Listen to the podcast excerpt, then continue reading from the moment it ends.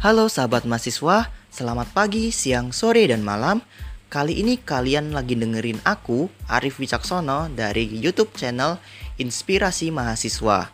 Bagi kalian yang suka dengan dunia kesehatan, yuk kunjungi channel Inspirasi Mahasiswa dan jangan lupa untuk subscribe ya. Oke, terima kasih. Mari kita lanjut ke pembahasannya.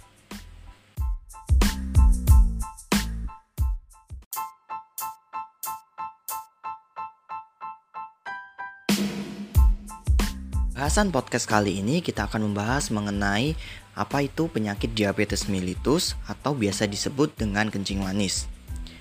Diabetes mellitus merupakan suatu penyakit yang ditandai dengan adanya kerusakan pankreas sehingga pankreas tidak dapat menghasilkan insulin yang mana berakibat pada terjadinya peningkatan kadar gula darah dari pasien atau manusia.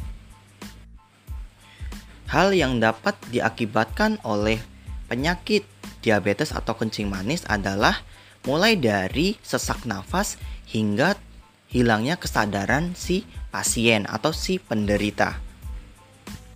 Tanda gejala yang biasanya dialami oleh penderita diabetes atau kencing manis adalah ada tiga tanda. Yang pertama, sering haus.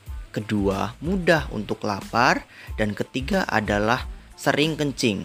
Itu adalah tanda-tanda awam dari penderita diabetes mellitus.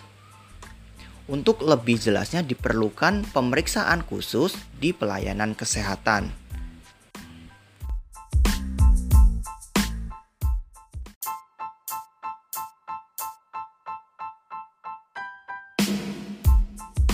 Pada penderita diabetes mellitus, terapi yang biasa didapatkan adalah pemberian insulin melalui penyuntikan area otot.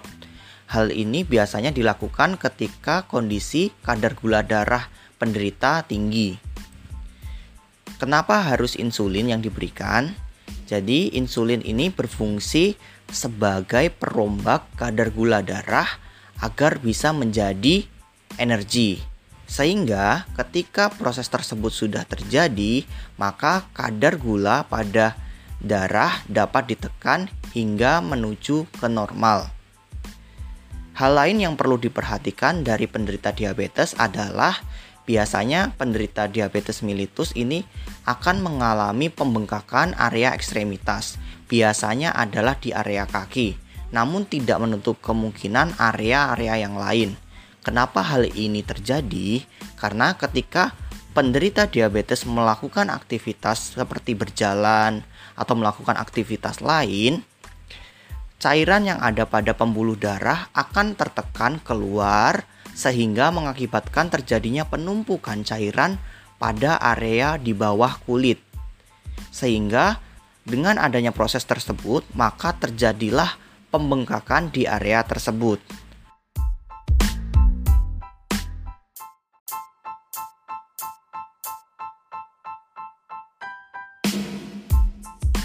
Oke, cukup sekian yang dapat saya sampaikan. Terima kasih telah mendengarkan podcast kali ini. Semoga kita bertemu di podcast-podcast selanjutnya. See you.